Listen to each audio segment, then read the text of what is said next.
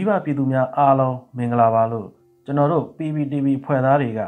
နှုတ်ခွန်းဆက်သလိုက်ရပါတယ်ခင်ဗျာအပတ်စဉ်တင်ဆက်ပေးနေကြဖြစ်တဲ့သတင်းလားအကျဉ်းလားအစီအစဉ်ကနေပြန်လည်ကြိုဆိုလိုက်ပါတယ်ဒီတစ်ပတ်မှာဆိုရင်လည်းလူမှုမီဒီယာတွေနဲ့အင်တာနက်စာမျက်နှာတွေပေါ်မှာပြန့်နှံ့နေတဲ့သတင်းအမှားတွေသတင်းအတုရောင်တွေထဲမှာမှတက်ရောက်မှုကြီးမားနိုင်တဲ့သတင်းအမှားတွေကိုချက်လက်စစ်စစ်ပြီး သတင်းအမှားဖြစ်ကြောင်းပြန်လည်အသိပေးသွားအောင်မှာဖြစ်ပါတယ်ဒီတစ်ပတ်ပြောပြပေးခြင်းတဲ့သတင်းအမှားအကြောင်းအရာတွေကတော့ကင်းမရွာမီးလောင်ကျွမ်းမှုဖြစ်စဉ်နဲ့သက်ဆိုင်ခြင်းမရှိတဲ့ဧပြီလအတွင်းကမူးတုံမြို့မှာဖြစ်ပွားခဲ့တဲ့ဗီဒီယိုဖိုင်အဟောင်းကိုအသုံးပြုပြီးကင်းမရွာကို PDF အဖွဲ့တွေကမီးရှို့တဲ့ဗီဒီယိုဆိုပြီးတော့စစ်ကောင်စီထောက်ခံတဲ့အကောင့်တွေနဲ့အကြမ်းဖက်စစ်တပ်ပိုင်းမြောက်ရီရုပ်တံတွေမှာလိန်လေဝါဒဖြန့်နေတဲ့သတင်းမှအကြောင်းအဖမ်းခံရပါက ကိုကိုကိုအဆုံးစီရင်ဖို့ကြီးတောင်ပိုဆောင်ထားဖို့ဆိုပြီးပြည်သူ့ကာကွယ်ရေးတပ်မတော် PDF ရန်ကုန်အမည်နဲ့ထုတ်ပြန်တဲ့ထုတ်ပြန်ချက်အတူအကြောင်းကုလသမဂ္ဂအစည်းအဝေးမှာအကြမ်းဖက်နာဆာကကိုမြန်မာနိုင်ငံရဲ့တရားဝင်အစိုးရအဖြစ်မဲခွဲဆုံးဖြတ်အတည်ပြုခဲ့တဲ့ဆိုပြီးဖြန့်နေတဲ့သတင်းအမှားအကြောင်းအရာနဲ့အဆိုတော်ရေမွန်သေဆုံးမှုဟာအချင်းချင်းပြစ်ခတ်လှုပ်ကြံတာကြောင့်သေဆုံးတယ်ဆိုပြီးအမျက်ထုတ်သတင်းမှားဖြန့်နေတဲ့အကြောင်းအရာလိုပဲဖြစ်ပါတယ်။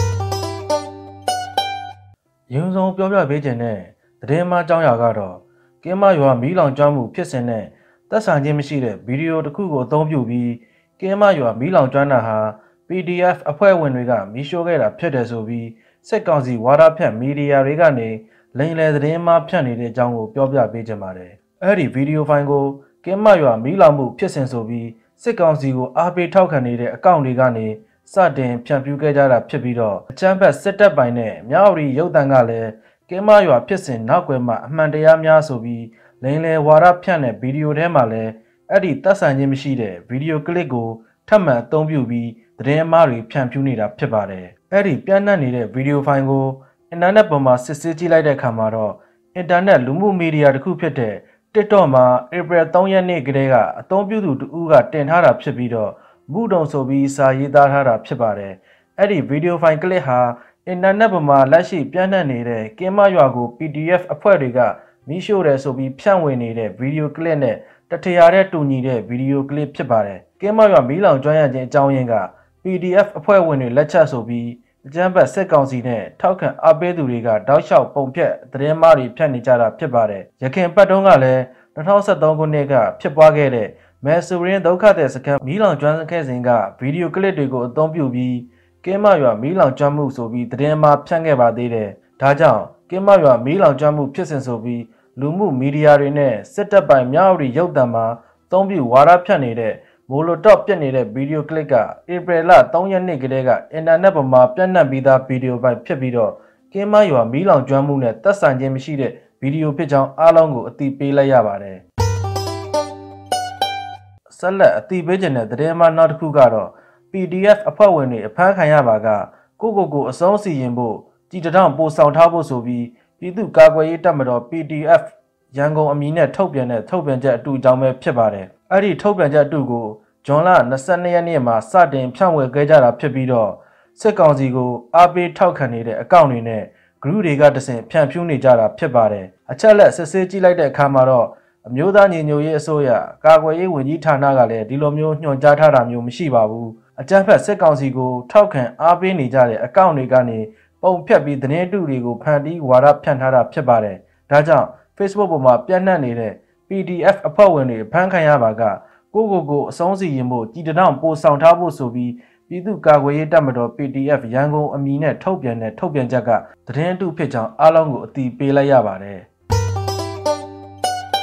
နောက်ထပ်ပြောပြပေးခြင်းတဲ့သတင်းမှအကြောင်းအရာတစ်ခုကတော့ကုလသမဂ္ဂအစည်းအဝေးမှာအကြမ်းဖက် NASA ကကိုမြန်မာနိုင်ငံရဲ့တရားဝင်အစိုးရဖြစ်မဲခွဲဆုံးဖြတ်အတည်ပြုခဲ့တယ်ဆိုပြီးဖြန့်နေတဲ့သတင်းမှအကြောင်းအရာပဲဖြစ်ပါတယ်။အဲ့ဒီအကြောင်းအရာကိုစစ်ကောင်စီအားပေးထောက်ခံတဲ့အကောင့်ပေါင်းများစွာကနေတင်ထားကြတာဖြစ်ပြီးတော့ NASA ကအားတရားဝင်အစိုးရအဖြစ်သတ်မှတ်ရေးအဆိုကိုကုလသမဂ္ဂအစည်းအဝေးတွင်ဆုံးဖြတ်ချက်ရယူရာ ထောက်ခံမဲ့အများစုဖြင့် NASA ကအားမြန်မာနိုင်ငံအစိုးရအဖြစ်အ တည်ပြုတယ်ဆိုပြီးရေးသားဖြန့်ဖြူးနေကြတာဖြစ်ပါတယ်။အဲ့ဒီအကြောင်းအရာနဲ့ပတ်သက်ပြီးအချက်အလက်စီစစ်ကြည့်လိုက်တဲ့အခါမှာတော့ကုလသမဂ္ဂမျက်နှာစုံညီအစည်းအဝေးမှာအကြမ်းဖက် NASA ကစစ်ကောင်စီကိုမြန်မာနိုင်ငံရဲ့တရားဝင်အစိုးရဖြစ်မဲခွဲဆုံးဖြတ်အတည်ပြုခဲ့တဲ့ဆိုတဲ့သတင်းကိုကုလသမဂ္ဂရဲ့တရားဝင်ထုတ်ပြန်ချက်တွေနဲ့သတင်းမီဒီယာတွေမှာလုံးဝဖော်ပြထားတာမျိုးမရှိပါဘူးသတင်းမီဒီယာတွေကဖော်ပြခဲ့တဲ့အကြောင်းအရာတွေကတော့ဆက်လက်နက်တွေမြန်မာနိုင်ငံထဲမရောက်စေဖို့ ဖမ်းဆီးထားသူတွေကိုပြန်လွှတ်ပေးဖို့နဲ့စစ်အာဏာသိမ်းမှုစန့်ကျင်သူတွေပေါ်အကြမ်းဖက်နှိမ်နင်းမှုတွေရပ်တန့်မှုပါဝင်တဲ့စုံဖြတ်ချက်တစ်ရက်ကိုကုလသမဂ္ဂအထွေထွေညီလာခံမှာမဲခွဲစုံဖြတ်အတည်ပြုခဲ့တယ်ဆိုတဲ့အကြောင်းအရာပဲရှိပါတယ်။ဒါကြောင့်စစ်ကောင်စီထောက်ခံသူတွေဖြန့်နေကြတဲ့ NASA ကအကြမ်းဖက်စစ်ကောင်စီကိုမြန်မာနိုင်ငံရဲ့တရားဝင်အစိုးရဖြစ်ကုလသမဂ္ဂမှာမဲခွဲစုံဖြတ်ခဲ့တယ်ဆိုတာကသတင်းမှဖြစ်ကြောင်းသိပေးလိုက်ရပါတယ်။ နောက်ဆုံးအနေနဲ့ပြောပြပေးခြင်းတဲ့သတင်းမှအကြောင်းအရာကတော့အဆိုတော်ရေမွန်တည်ဆုံမှုဟာအချင်းချင်းပြစ်ခတ်လောက်ကျန်တာကြောင့်တည်ဆုံတယ်ဆိုပြီးအမျက်ထုတ်သတင်းမှားဖြတ်နေတဲ့အကြောင်းပဲဖြစ်ပါတယ်။အဲ့ဒီသတင်းမှားတွေကိုစစ်ကောင်စီအပိထောက်ခံနေတဲ့အကောင့်တွေကပဲဖြန့်ဖြူးလာတာဖြစ်ပြီးတော့ပြည်သူ့ကာကွယ်ရေးတပ်ဖွဲ့မန္တလေးနာမည်နဲ့ကြီးညာချက်အတုကနေဖြန့်ဖြူးခဲ့တာဖြစ်ပါတယ်။အဲ့ဒီထုတ်ပြန်ချက်အတုထဲမှာအဆိုတော်ရေမွန်ဟာငှက်ဖျားကြောင့်တည်ဆုံးတာမဟုတ်ပဲတောထဲရောက်ပြီးမူရည်စေဝါအလွန်ကျွံတုံးဆွဲပြီး အချင်းချင်းအပြန်လည်ပြစ်ခတ်မှုကြောင့်တည်ဆုံးတာဖြစ်ကြောင်းဖော်ပြပုံဖြတ်ထားတာဖြစ်ပါတယ်။အချက်လက်စစ်စစ်ကြည့်လိုက်တဲ့အခါမှာတော့အဲ့ဒီဖြန့်ဖြူးနေတဲ့အကြောင်းအရာဟာသတင်းမှဖြစ်ကြောင်းတွေ့ရှိရပါတယ်ခေတ်သစ်မီဒီယာမှာဖော်ပြထားတဲ့သတင်းတစ်ခုထဲမှာဆိုရင်လည်းဆရာဝန်ရဲ့စစ်စစ်သုံးသက်ချက်အရာအစာအိမ်သွေးကြောပေါက်ပြီးတည်ဆုံးခဲ့တာဖြစ်ပြီးအချင်းချင်းရန်ဖြစ်ပြီးအသက်ဆုံးရတာမဟုတ်တဲ့အကြောင်းကိုဖြေရှင်းထားပါတယ်ဒါကြောင့်အဆိုတော်ရေမွန်တည်ဆုံးမှုဟာ အချင်းချင်းပြစ်ခတ်လောက်ကျန်တာကြောင့်တည်ဆုံးတယ်ဆိုပြီးဖြန့်နေတဲ့သတင်းတွေဟာလောက်ကျန်ပုံဖြတ်ထားတဲ့သတင်းမှားတွေဖြစ်ကြောင်းသိပေးလိုက်ရပါတယ်ဒီတစ်ပတ်ရဲ့သတင်းလားဂျင်းလားအစီအစဉ်ကိုတော့ဒီမှာပဲရန်နာခွင့်ပြုပါခင်ဗျာနောက်တစ်ပတ်မှာလည်းအင်တာနက်ဘောကသတင်းမားတွေကိုအချက်လက်စီစစ်ပြီးပြန်လည်ပြောပြပေးသွားအောင်မှာဖြစ်ပါတယ်မိဘပြည်သူများအားလုံးဘေးရန်ကင်းကွာပြီးကိုယ်စိတ်ကျန်းမာချမ်းသာကြပါစေလို့ကျွန်တော်တို့ PPTV အဖွဲ့သားတွေကဘုံကောင်းတောင်းပေးလိုက်ရပါတယ်